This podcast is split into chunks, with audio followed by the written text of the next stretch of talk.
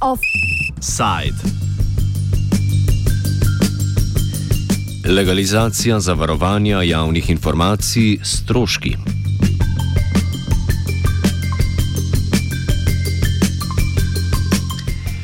V zakonodajni postopek je vstopil zakon o spremembah in dopolnitvah zakona o dostopu do informacij javnega značaja.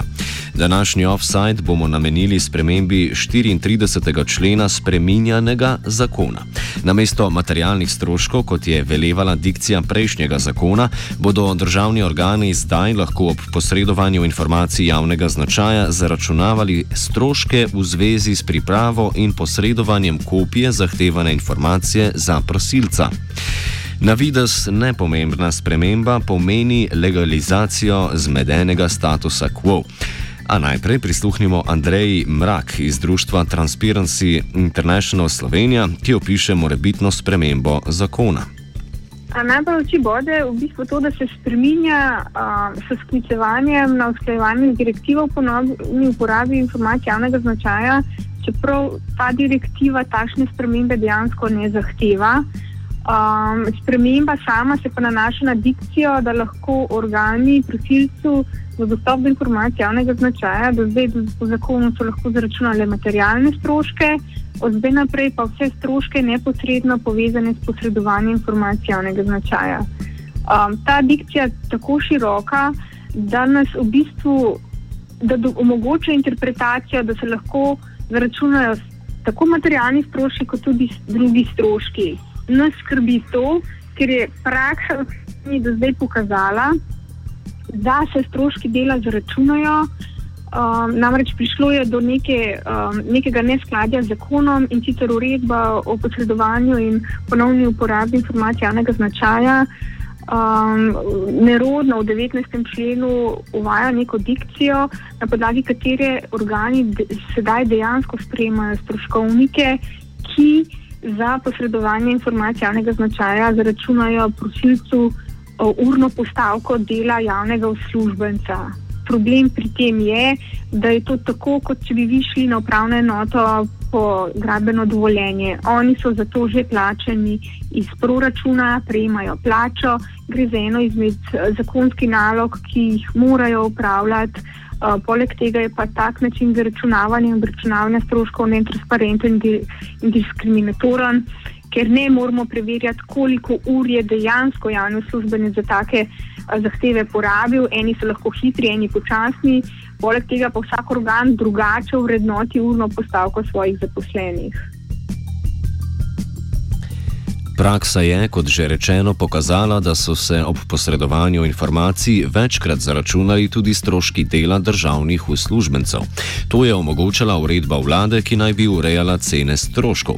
Več pove Kristina Kotnik Šumah, namestnica informacijske pooblaščenke. Uh, problematika je malce bolj kompleksna, kakor pa zgleda na prvi uh, pogled in sicer. Eh, star zakon o dostopu do informacij javnega značaja je določal, da se stroški materialni določijo z podzakonskim aktom in uredba je potem določila um, materialne stroške fotokopiranja pač nekega materijala. Določila je pa tudi, da lahko Ministrstvo za javno upravo na predlog zavezanca potrdi tudi druge stroške. In problem je bil ravno v tem, da je ministrstvo z uh, soglasjem potem na nek način uzakonilo tudi te stroške dela. Ne. Izvorni primer, pr problem ni bil ne v zakonu, ne v uredbi, ampak v bistvu v stroškovnikih, ki so bili potrjeni za strani Ministrstva za javno upravo.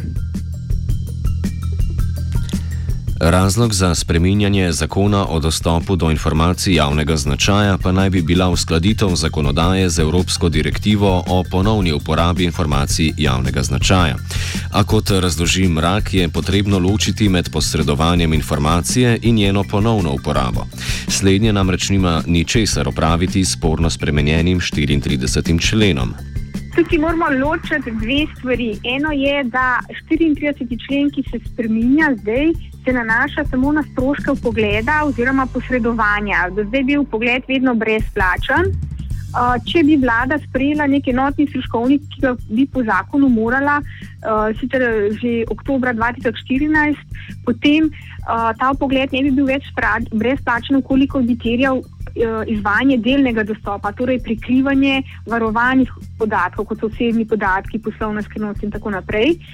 In to je ekstra stvar, torej ločeno je, loči se v pogledu um, v informacije javnega značaja ali pa posredovanje informacij v primeru ponovne uporabe.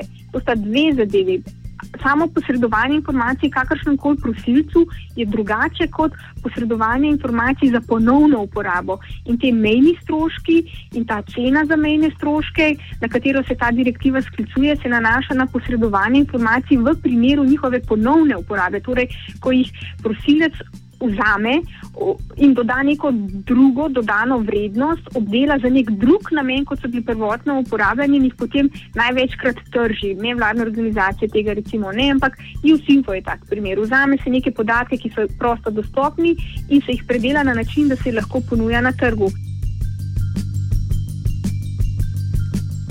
Zakon se spreminja brez večje debate v javnosti. Na sporne določbe so opozorile le nekatere nevladne organizacije, kot je Transparency International, pisarna informacijskega pooblaščenca in Društvo novinarjev Slovenije.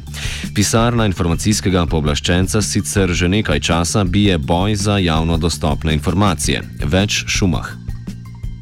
Informacijski povleščenec je na problematiko in na nespremljivo zaračunavanje stroškov opozarjal Ministrstvo za javno upravo že od leta 2009. Večkrat smo se poskušali z njimi tudi uskladiti in dogovoriti o tej tematiki, ampak žal smo ostali neslišani, če tako povem. Večkrat smo tudi javno opozorili na zadevo, podali smo pripombe na predlog sprememb zakona, se pravi tudi na novelo ZDSE. Dali smo več sporočil za javnost, ampak bom rekla, naša prizadevanja nekako niso bila uspešna.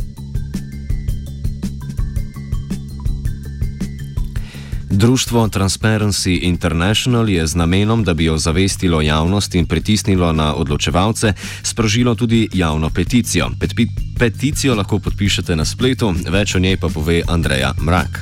V bistvu mi zbiramo tole simbolično peticijo. Niso vse določbe v zakonu sporne. Najbolj sporna za nas je ta za stroški. Uh, ostale načeloma niso tako problematične, ker ta v stroških je tudi v bistvu v nasprotju samo konvencijo Sveta Evropo o dostopu do informacij javnega značaja, ki je Slovenija v bistvu podpisala, je v nasprotju z mednarodnimi standardi, po katerih bi, uh, bi moral biti pogled uh, brezplačen, dovoljeno zaračunavati le materialne stroške, kadar je tako nujno, kot to terja izvajanje de delnega dostopa.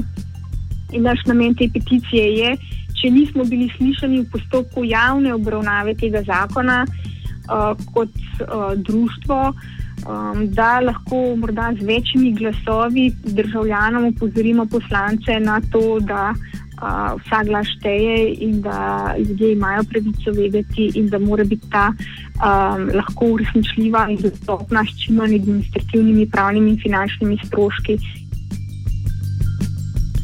Pozivom se pridružuje tudi Društvo novinarjev Slovenije, govori predsednica Petra Lesjak Tušek. To se nam zdi problematično, eh, kot se nam zdi že načeloma problematično vsakršno zaračunavanje informacij, sploh če so javnega značaja.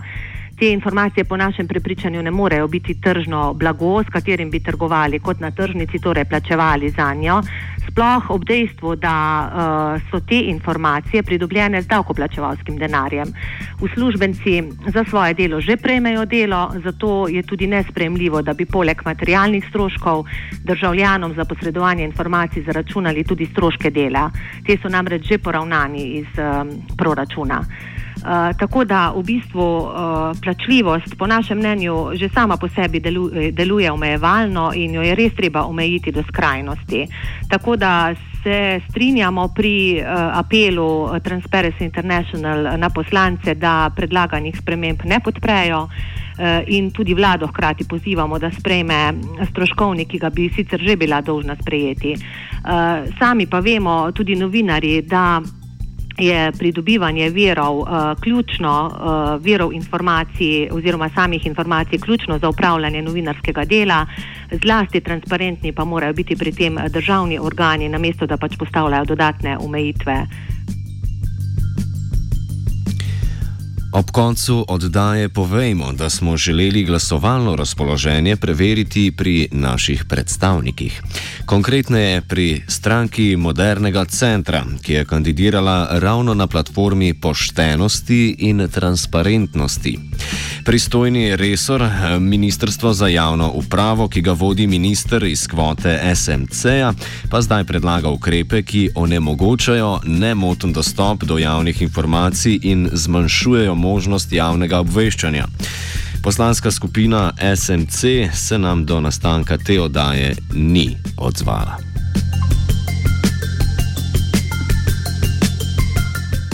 Na podlagi zaenkrat še javno dostopnih predlogov zakona je offside spisal ZUPS.